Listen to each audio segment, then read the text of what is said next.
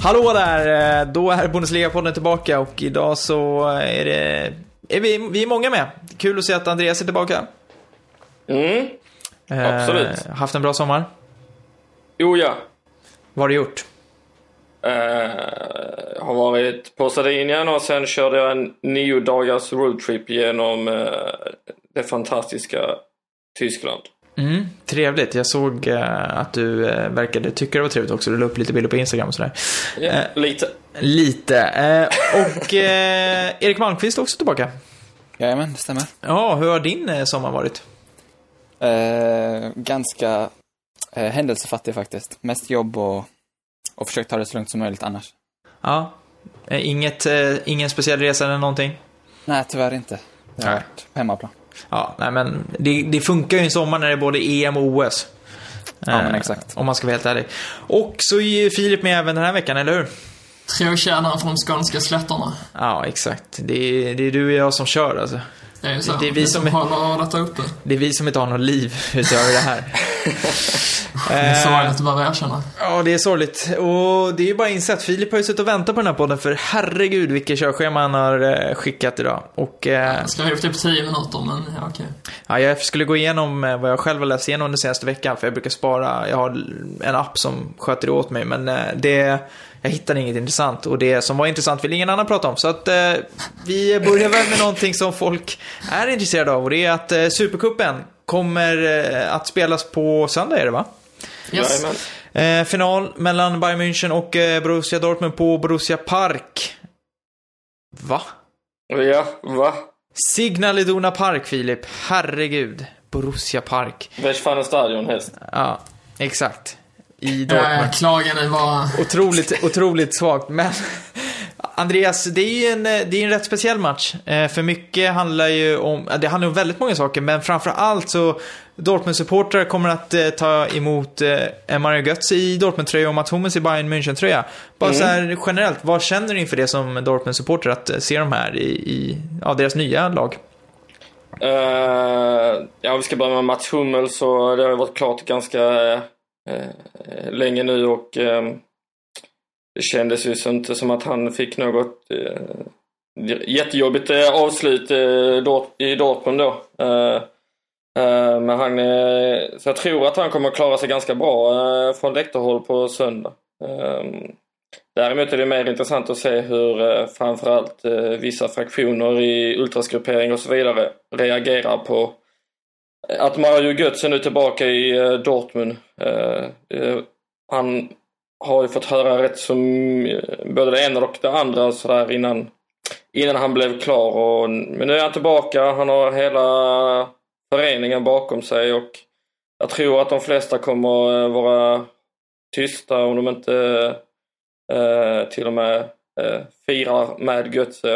Eh, men jag tror ändå att det kommer finnas en del busvisslingar kanske vid Götzes första touch eller när han presenteras inför matchen om han nu skulle starta. Tror du han kommer att starta? Eh, Det ryktas ju om att han är eh, aktuell eh, för det i allra högsta grad och jag tror också att Dortmund måste ge honom extremt mycket förtroende här nu för att visa att det är en, en eh, värvning man gjort eh, sett, eh, sportsligt sett så att säga. Eh, och inte har gått på namnet och möjligheten att få tillbaka Götze till Dortmund utan eh, man måste visa att man har värvat en spelare som man tror kan förstärka laget och eh, så som han var i Bayern München i, i fjol eller det icke-förtroendet han fick där det, det räcker liksom inte utan nu måste han ju ut på, på nivåer som han var i innan han gick till Bayern München. Erik, vad kan man förvänta sig av Mario Götze i Dortmund? Vad, vad tror du liksom supporterna ska ha för, Eh, liksom vilken nivå är han på i dagsläget och vad tror du att vi kommer få se av honom här i, början på, ja, sin, i sin nygamla klubb så att säga? Eh, ur ett supporterperspektiv så tror jag nog ändå att kraven är höga. Att liksom, han måste leverera, annars blir det annars blir det lätt att den eh, sidan som inte vill ha honom tillbaka blir ännu mer högljudd och får fler följare liksom och då kan den här återkomsten kanske bli till och med katastrof till och med. Men, eh, men rent realistiskt så är han bättre än i EM, som han var, som inte var några riktigt höjdare, så är det ju ett steg framåt och då är han inne på rätt bana. Så, så det, det är lite olika så, men jag tror att um, rent realistiskt ska man inte ha så allt för höga förväntningar faktiskt.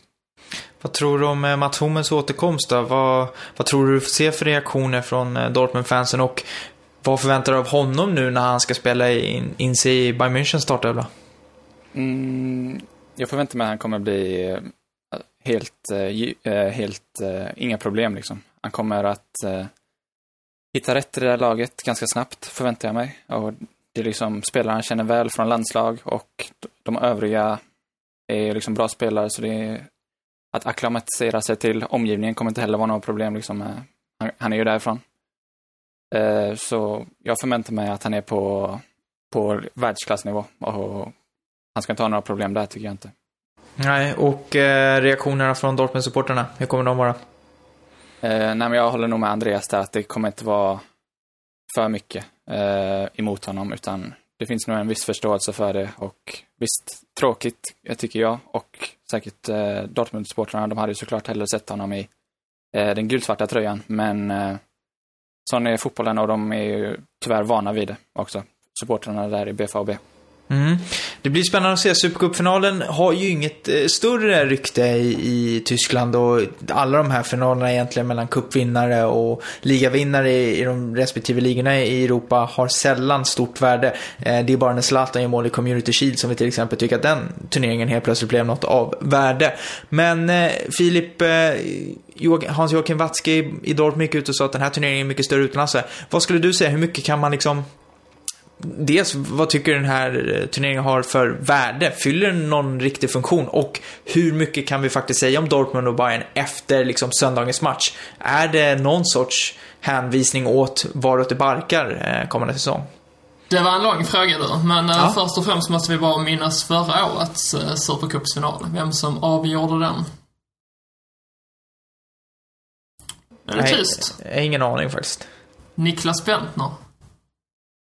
Jaha. Ja. det var en svag reaktion måste jag säga. Sånt lägger man på minnet också. Nej, ja, det är klart. Ja, det är bra. Hade ing, den, det, den quizfrågan hade jag failat rätt rejält.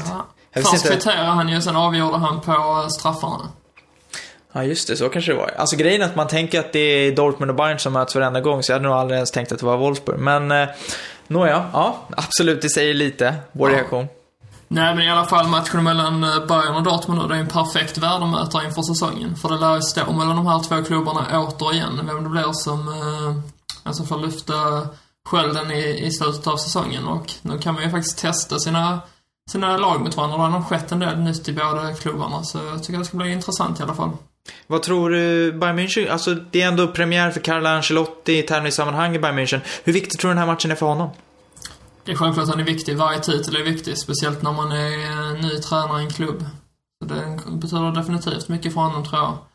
Sedan eh, ska man inte spegla allt för mycket av matchens resultat givetvis, för det är ändå två veckor kvar till premiären och mycket kan hända innan dess. Men eh, som sagt, det är en jättebra värdemätare och att vinna en titel är alltid en bra boost för självförtroendet. Och, och även om det kanske inte är det Bayern behöver mest så är det ju alltid bra att få liksom. Mm. Thomas Tuchel eh, fick ju två andra platser i tyska kuppen och eh, ligan förra säsongen. Vad tror du en vinst i en sån här eh, turnering skulle göra för, för honom och i, i Dortmund så att säga, Andreas? Uh, nej, men det är klart att han är jävligt sugen på att vinna den här matchen. Uh, och jag tror också att det är en, uh, det är en bra värdemätare.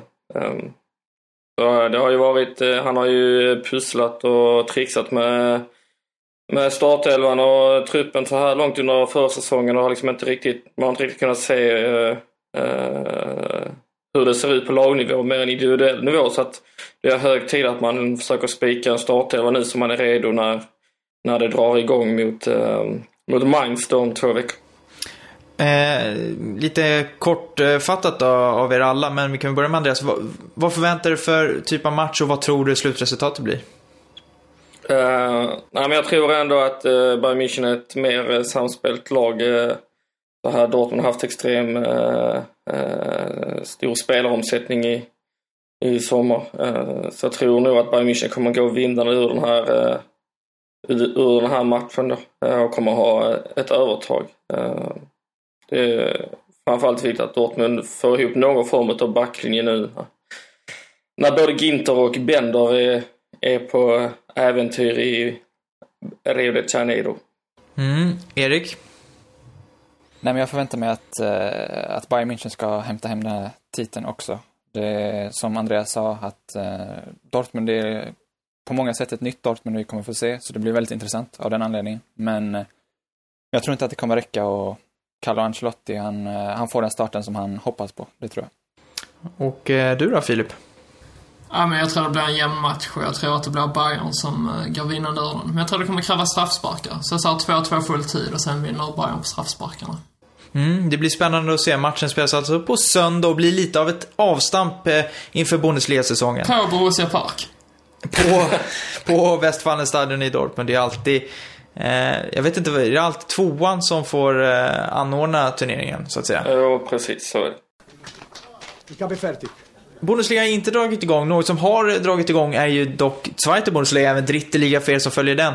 Eh, bland annat jag själv är ju rätt nöjd med att eh, mitt kära Regensburg gått eh, tre raka, har de, eh, tre raka segrar på de tre första omgångarna och leder just nu eh, Dritteliga. Kan vara så att jag sitter här om fem månader och säger att de inte har mer än nio poäng. Men bra start i Dritteliga för Regensburg.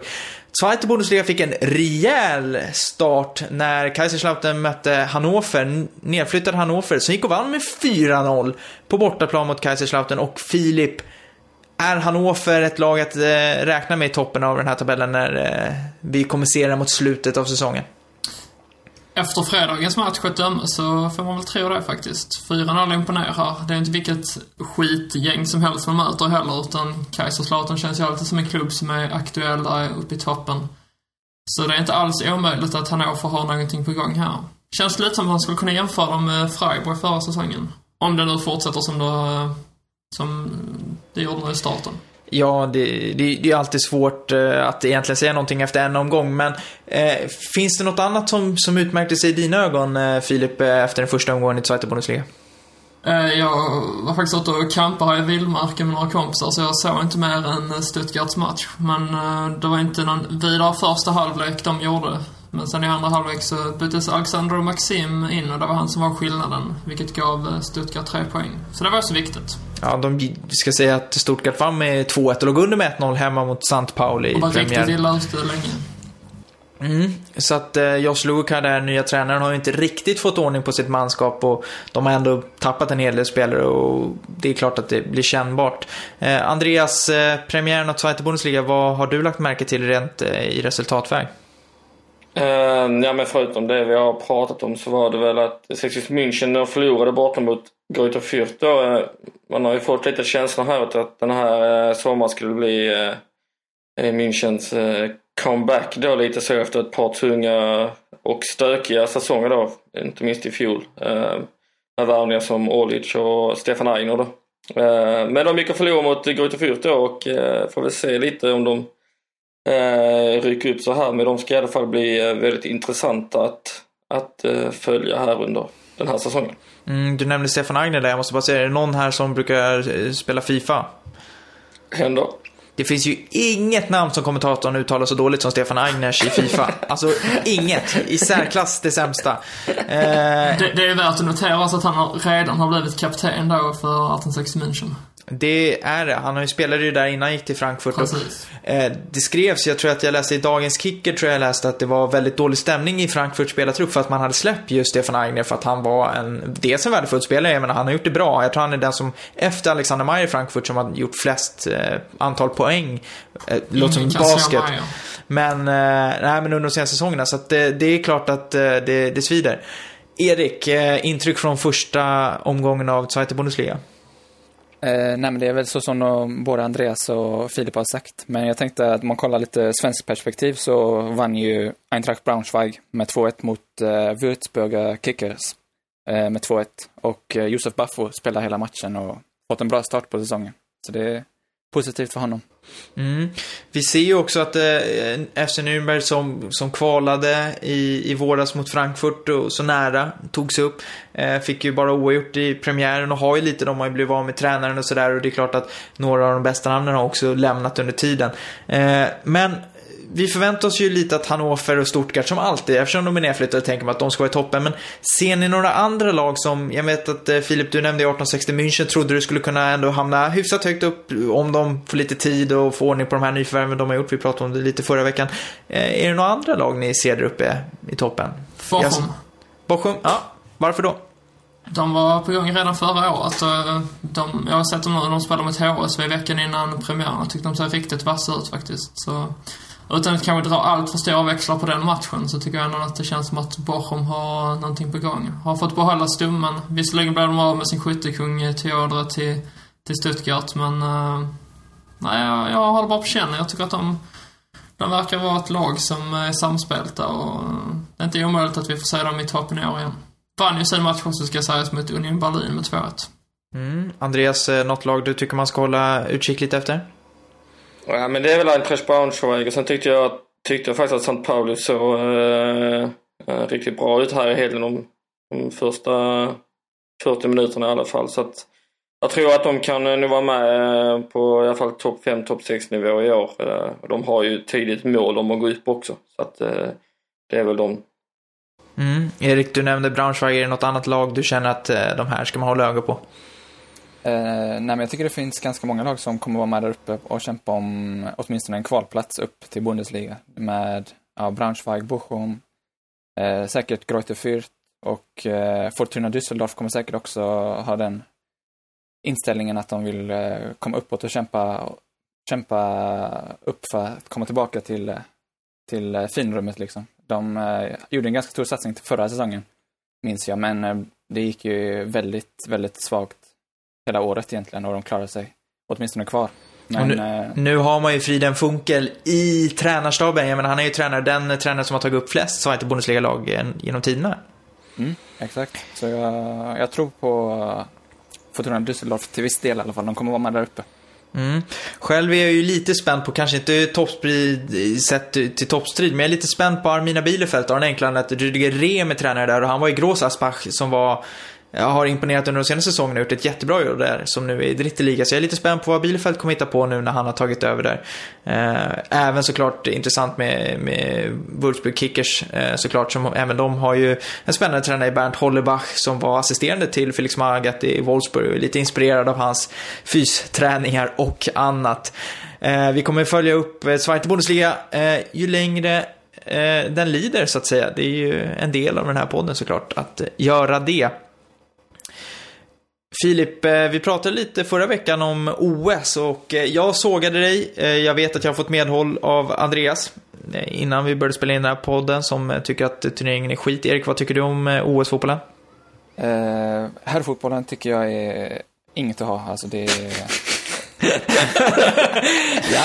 Det är, nej, men det är som en viss, eh, som många säger, liksom, det är en kalanka turnering att eh, med U23, fast 3 får ändå vara över den gränsen och, och det är ingen Fifa-turnering så det, det blir tyvärr ingenting, ingenting riktigt där tycker jag. Ja, och med det introt då Filip, så ge oss. Hur har det gått för Tyskland i OS? jag måste ju faktiskt få försvara mig där. Jag har ju inte heller hyllat turneringen direkt. Jag har bara sagt att jag tycker att Tyskland har ett intressant lag och att jag ska följa, följa hur det går för dem. Och det har jag gjort. Mm.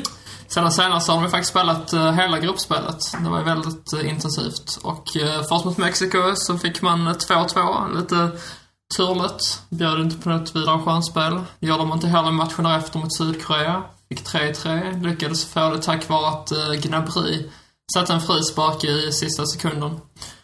Och sen då den avgörande matchen som då spelades igår onsdag. Och det var ju mot Fiji. Och det var ju en väldigt spännande historia. För att Tyskland var ju tvungna att vinna med minst fem mål för att, uh, för att vara säkra på att ta sig vidare till slutspelet. Och jag menar, 5-0 i fotboll, det vinner man inte med hur som helst. Men uh, det blev 10-0 helt enkelt. Nils Petersen stod för fem baljor hade alltså kunnat ja. gjort det på egen hand. Max Meyer 3 och uh, Gnabry 2. Så det var en fin trio där. Eh, man snittar alltså fem mål per match under gruppspelet. Ja. Det är, det är rätt starkt. Offensiven stämmer, defensiven eh, desto mindre. Men Tyskland vidare, vilka ställs man mot i kvartsfinalen? Där möter man ju Portugal, samma lag som man förlorade ganska så stort med i U21-EM förra året. Så det ska bli väldigt intressant att se om man kan ta revansch där. Men... Klara sig utan lagkapten Goretzka som skadade sig redan mot Mexiko. Exakt, och Goretzka har åkt hem till eh, Tyskland, eh, läste jag nyligen eh, idag här. Eh, men eh, Portugal, jag, jag, vet ju inte riktigt, men jag antar att några av deras U21-spelare var med redan i EM-mästerskapet. Jag tänker på Carvalho och, och, och, spelare som, ja, som honom. Det var, jag kom på ett namn, skitsamma. Men det måste ha vunnit så att de kanske, även de är lite försvagade. Så är det ju givetvis. Tyskland har ju faktiskt det överlägset starkaste laget på pappret och man har inte bevisat det än, men det känns ju som att man kommer ha ganska så god chans faktiskt att revanschera sig nu mot Portugal. Men eh, som sagt, spelet har inte stämt jättebra hittills, så eh, vi får helt enkelt se. Jag är faktiskt ganska så spänd på den matchen. Även om det är plojturnering som ni säger. Nej, men när spelas matchen? Eh, på söndag. Ja. Eller lördag. Jag minns inte. så pass bra. Nej, men, I helgen tror jag. Ja, nej men och jag tänker lite så här, det, det är klart att nu det är folk som både vill ha framgång såklart, tyskarna vill ha framgång, men jag kan tänka mig att det sitter en och annan sportchef hemma i Tyskland och tänker att fan vad skönt det vore om de inte, liksom, om de kunde komma hem snabbt. Ja, som Goretzka då, från Rio till eh, Gelsenkirchen. En fin miljöomväxling. Jo, exakt. Och då får man får ju åtminstone två veckor på sig att inför den nya säsongen, om man nu spelar i Bundesliga, att liksom få in spelarna. Så man, man, det skulle inte bli ett sånt tapp, för jag antar att en final, en eventuell final spelas först nästa helg. Eh, utan att veta. Eh, så att det, mm. då, då blir det svårare. Men eh, är det någonting mer du vill tillägga från OS-kollen? Det är väl bara så att Gnabry har varit fruktansvärt bra. Eh, en av de få som har imponerat. Och han kopplas ju lite samman nu med flytt till Bundesliga, men det kan vi snacka om lite senare. Men... Uh, Nej, jag tycker du, du, du, kan ju köra den segwayen annars. Kan vi säga. Och han ryktas ju faktiskt till Hertha Berlin just nu. Mm. Och... Det hade väl varit kul att sätta honom där. Han har varit i Arsenal väldigt länge. Så, och känns väl som att han numera börjar bli redo för att ta det här steget och spela A-lagsfotboll på heltid. Så varför inte en flytt där till Hertha Berlin som ska nysatsa nu lite efter att ha åkt ut Europa League och försöka följa upp eh, förra årets säsong. Ja, en match som vi inte alls har tagit upp faktiskt. Eh, Hertha Berlin mot Brönnby och eh, Stuttgarts gamle tränare Alexander Zorniger som fick lite revansch och Gnabry... Ja, exakt. Med sitt hattrick, gamla Schalke-spelaren. Gnabry var ju för övrigt en Stuttgart-talang, så där har vi liksom fått ihop hela den cirkeln också. Men jag tycker att det är svårbedömt. Eh, han har ändå varit i Arsenal eh, sådär. Vilken nivå tror du han håller? Jag menar, nu har du inte, du har inte sett OS jättemycket, men du är ändå imponerad. Tror du att han skulle hålla i Bundesliga? Det tror jag definitivt faktiskt. Eh. Han gjorde ju två mål på Fiji. Det är klart han håller. Ja, men jag tror han har gjort fem mål totalt nu, tror jag. Inte för det sa jättemycket heller, men... Men som sagt, jag tror att han är redo att ta steget. Han har varit i u landslaget ganska länge. Stått i skuggan då för många av sina uh, medspelare på grund av att han spelar i Arsenals reservlag. Men jag tror att nu... Uh, nu skulle det nog kunna vara sommaren, eller hösten då rättare sagt, som han tar det här steget och spelar A-lagsfotboll. Och varför inte i Bundesliga? En offensiv liga. Han hade definitivt fått chansen, tror jag, i Hertha Berlin. Snackas också lite om Frankfurt, där hade han ju garanterat, skulle jag vilja säga, fått en eh, startplats. Mm. Förmodligen ersatt Aigner då, rakt av. Ja, det är ju sant. Det blir spännande att se.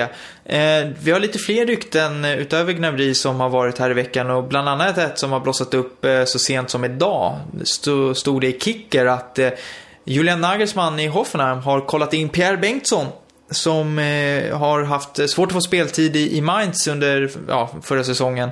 Eh, vad tror vi om det här, Erik? Eh, Pierre Bengtsson och Hoffenheim? Är det är ett eh, äktenskap som skulle kunna bli något bra?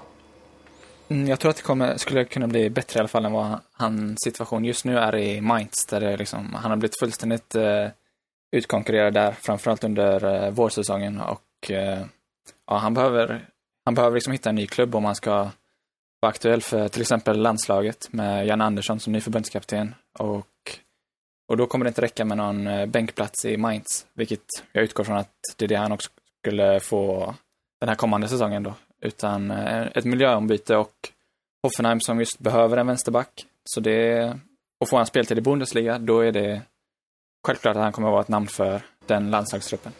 Tror du att att eh, han passar in i Hoffenheim rent spelmässigt? Mm, jo, men det tror jag nog ändå att, eh, att han skulle passa in där. Att han, eh, han är ändå skicklig spelare. Han har visat det i Mainz också, de gånger han har fått spela, att, att det, det är en bra fotbollsspelare. Och, och han har också visat i landslaget att, att han håller nivån. Mm. Andreas, eh, Pierre Bengtsson till Hoffenheim, yay or nej? Uh, yay! Varför då? Nej, men det är ju för de anledningar som, uh, som Erik säger. Det vore inte en, en logisk flytt med tanke på uh, hur det gick efter skadan i Mainz. Så Bussman är ju en uh, klar etta där, eller var det förra säsongen i varje fall. Och, uh, Eh, Hoffenheim har behovet av en vänsterback. Bengtsson ganska skicklig offensivt också, så jag tycker ehm, eh, nog att det vore en, eh, en bra flytt för honom, även om det såklart innebär då en, en flytt neråt i, i tabellen då, mest troligt. Mm. Det ska ju sägas att Pierre Bengtsson, att han fått ändå rätt mycket beröm trots att han inte har fått så mycket speltid i Mainz. Eh, intrycket, eller det som har sagts utåt i alla fall, är att tränare Martin Schmidt hellre haft Bosman för att det är en mer fysisk eh, försvarare. Eh, Pierre Bengtsson är ju betydligt, liksom ingen fysisk spelare så, utan mer en offensiv vänsterback, lite mer modern i sin spelartyp. Filip, eh, det är inte bara Bengtsson och Gnabry som det ryktas om. Ta upp några andra intressanta rykten som, som du tycker är värda att diskutera. Mm, det hetaste just nu är inom Bundesliga. Det är i alla fall Julian Brandt som uh, uppges vara på gång till Bayern München. Och det vore väl en övergång om något. Eh, ja, men, men det... vad fan ska de med honom till? Precis min tanke. Det, det faller ju ändå rimligt kan jag tänka mig deras. De vill ju ha en ytter kanske till nästa säsong. Eh, Ribéry och Robben har båda, sitter båda på utgående kontrakt. Eh, ingen av dem blir yngre. Ribéry har ju sagt att han kan spela åtminstone två år till. Eh, och Robben är Robben liksom. Men jag menar, Brandts kurva har ju gått väldigt, väldigt mycket uppåt under den senaste tiden. Men känslan är väl att det skulle kunna bli lite götts över en sån affär. Jo, visserligen. Jag tycker Brandt, nu har han inte varit så framstående i OS här faktiskt. Han är med där också. Men eh, som han presterade i Leverkusen förra säsongen, och främst under våren, så var han ju fantastiskt bra. Och jo, det, visserligen, det, det skulle visst kunna bli som för Götze, men det kan också bli en ny, jag vet inte vem det skulle bli, en ny, en ny Marco Reus kanske. Han har ju talang utan dess like, känns det som. Alltså, eh, värvar de Julian Brandt, då får de ju värva Bedarabi också. det är så de, de hänger ihop. det går liksom inte att sära på dem nu efter den våren de hade tillsammans. Nej, shit, de gjorde mål i varenda match. Mm. Mm.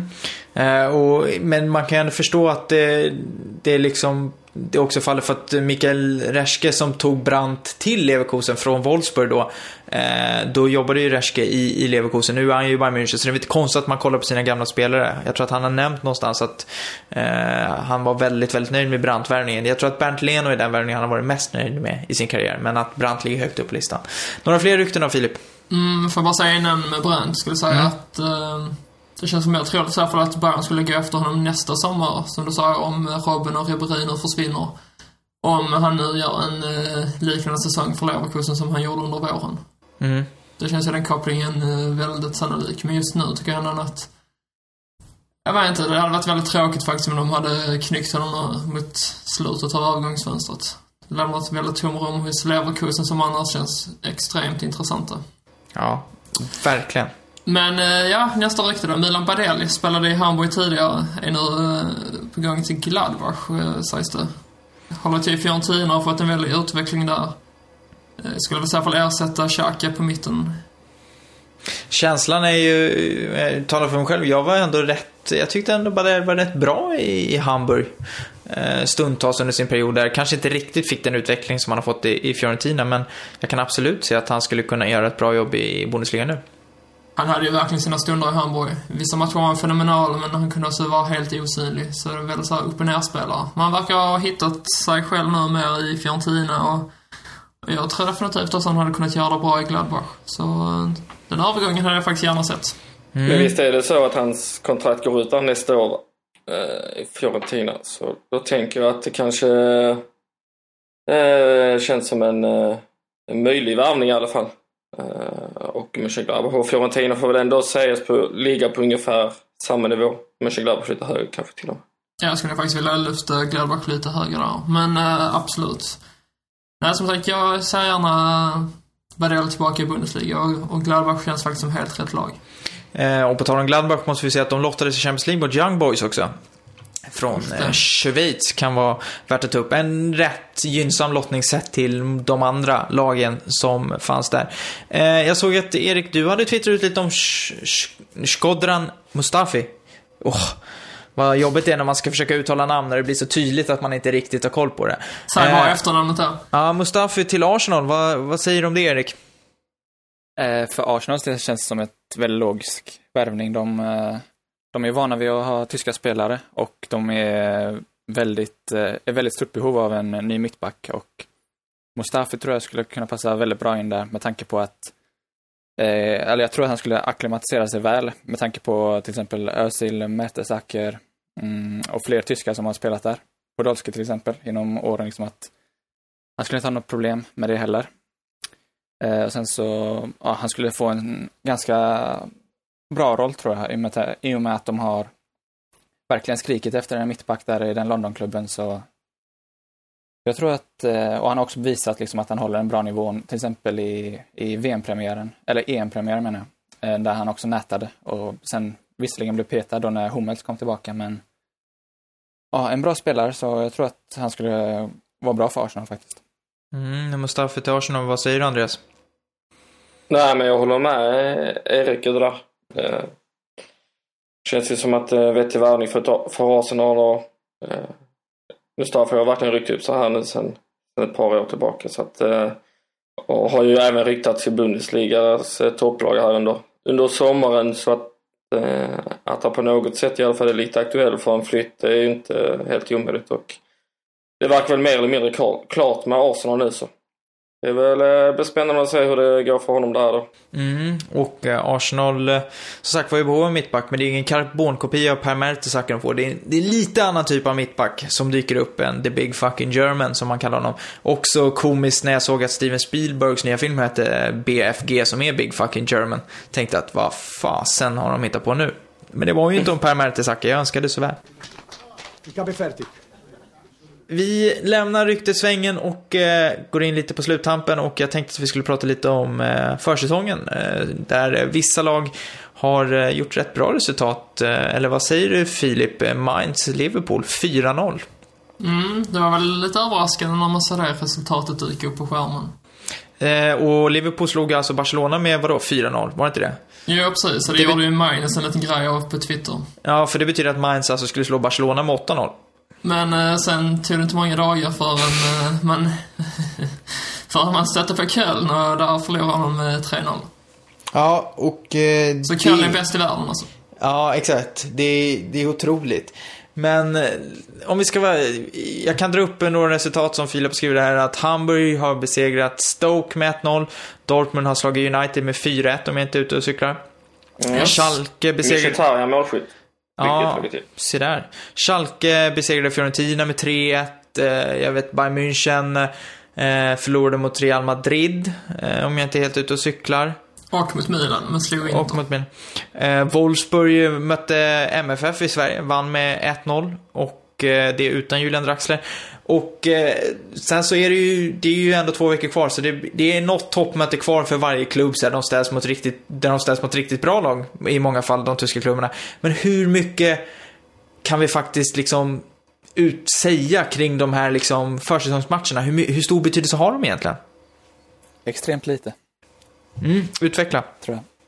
Eh, nej, men jag har sett lag som har gått eh, helt rena på försäsongen och sen så helt plötsligt eh, landat på 18 plats vid, eh, vid vinterhalvår, eh, eller vintertransferfönstret. Eh, och behövt verkligen rädda upp situationen där för att hålla sig ens kvar i ligan. Så det, det är många unga spelare som visar sig nu på försäsongen medan de äldre vet att man behöver ingen formtopp i juni eller juli utan det är längre fram under säsongen som det gäller. Och eh, så jag tror till exempel att och när vi ser, om vi tar eh, Köln mot Mainz som ett exempel som spelades nu idag när vi spelar in, så um, spelade Köln med två olika startelvor egentligen på de två olika halvlekarna. Och eh, så det är liksom den nivån det är på, även om det bara är två säsonger, eller två veckor kvar till säsongspremiär.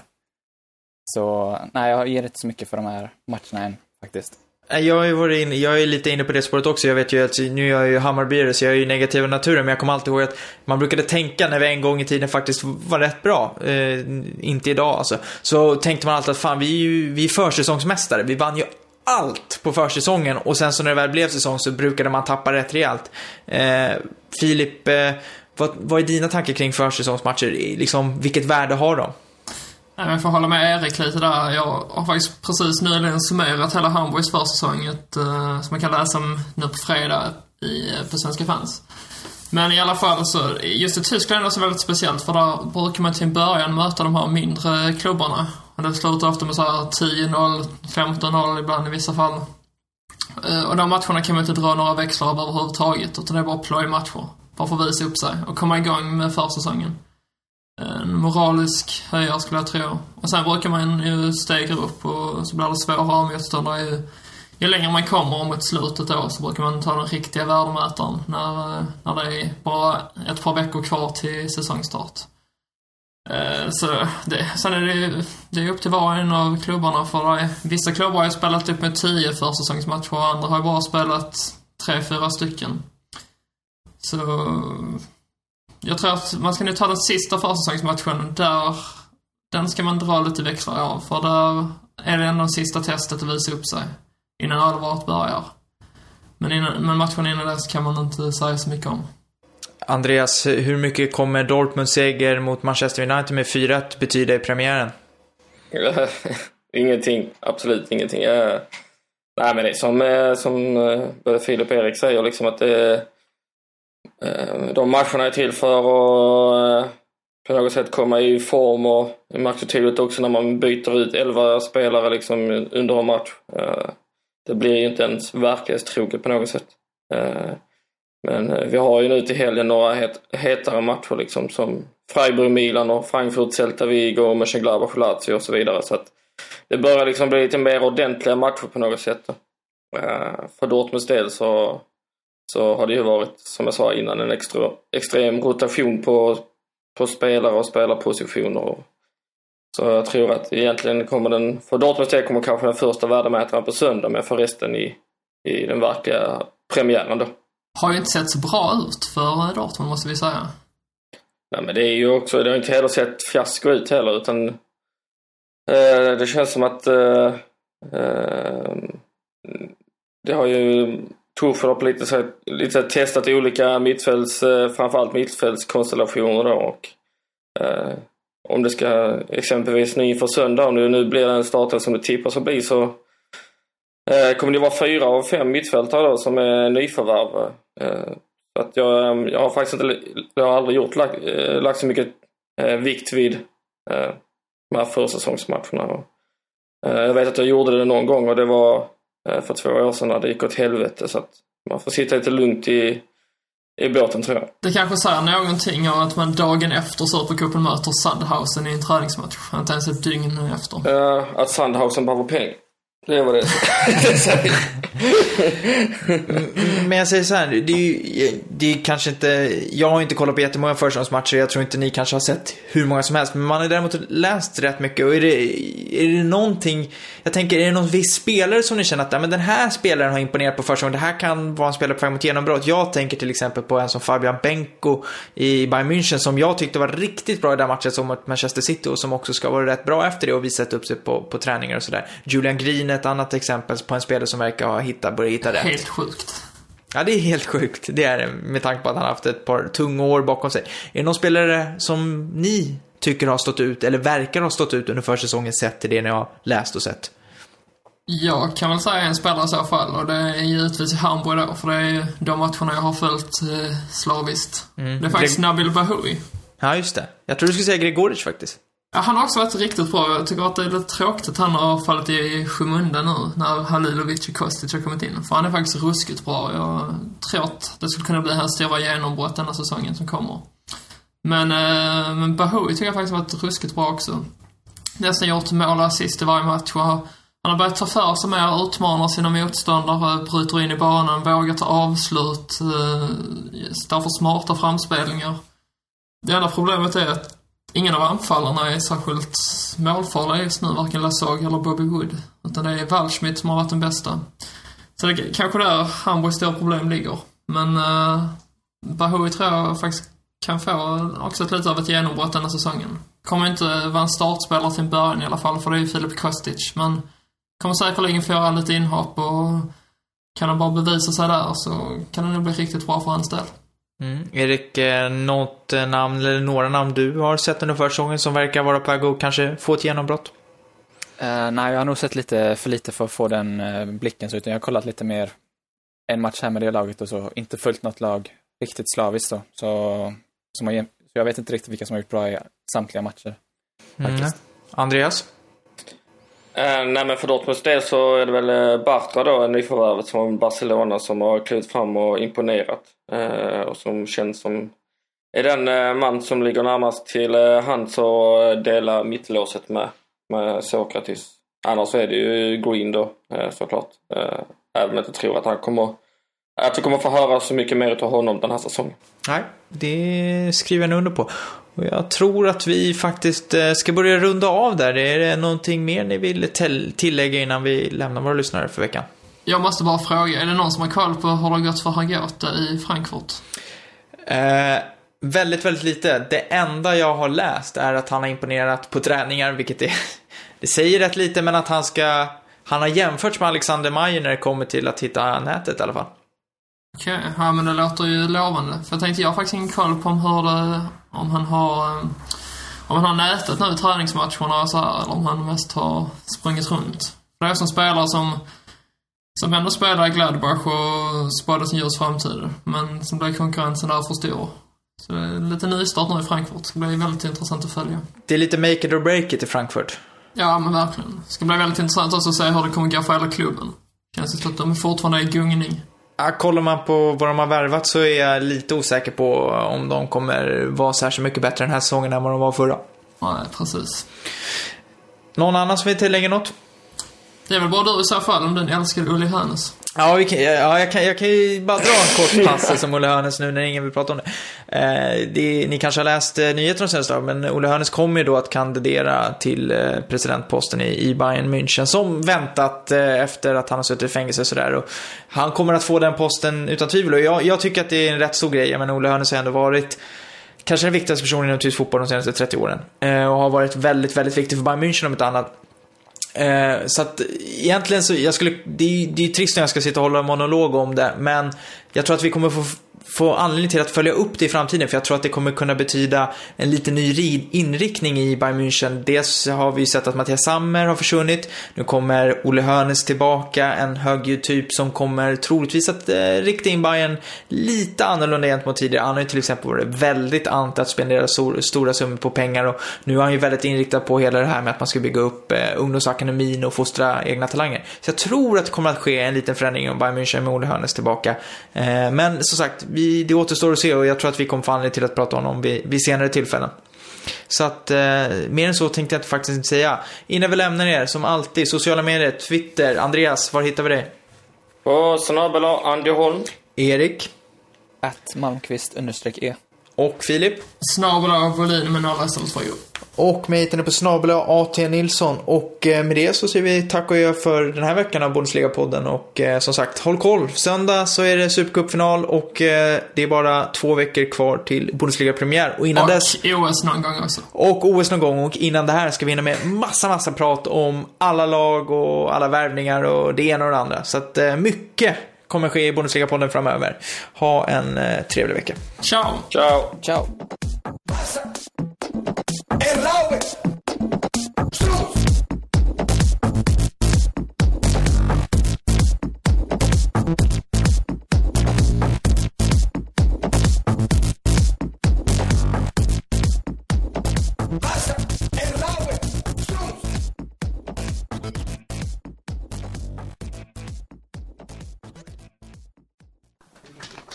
Il Cape Fertic.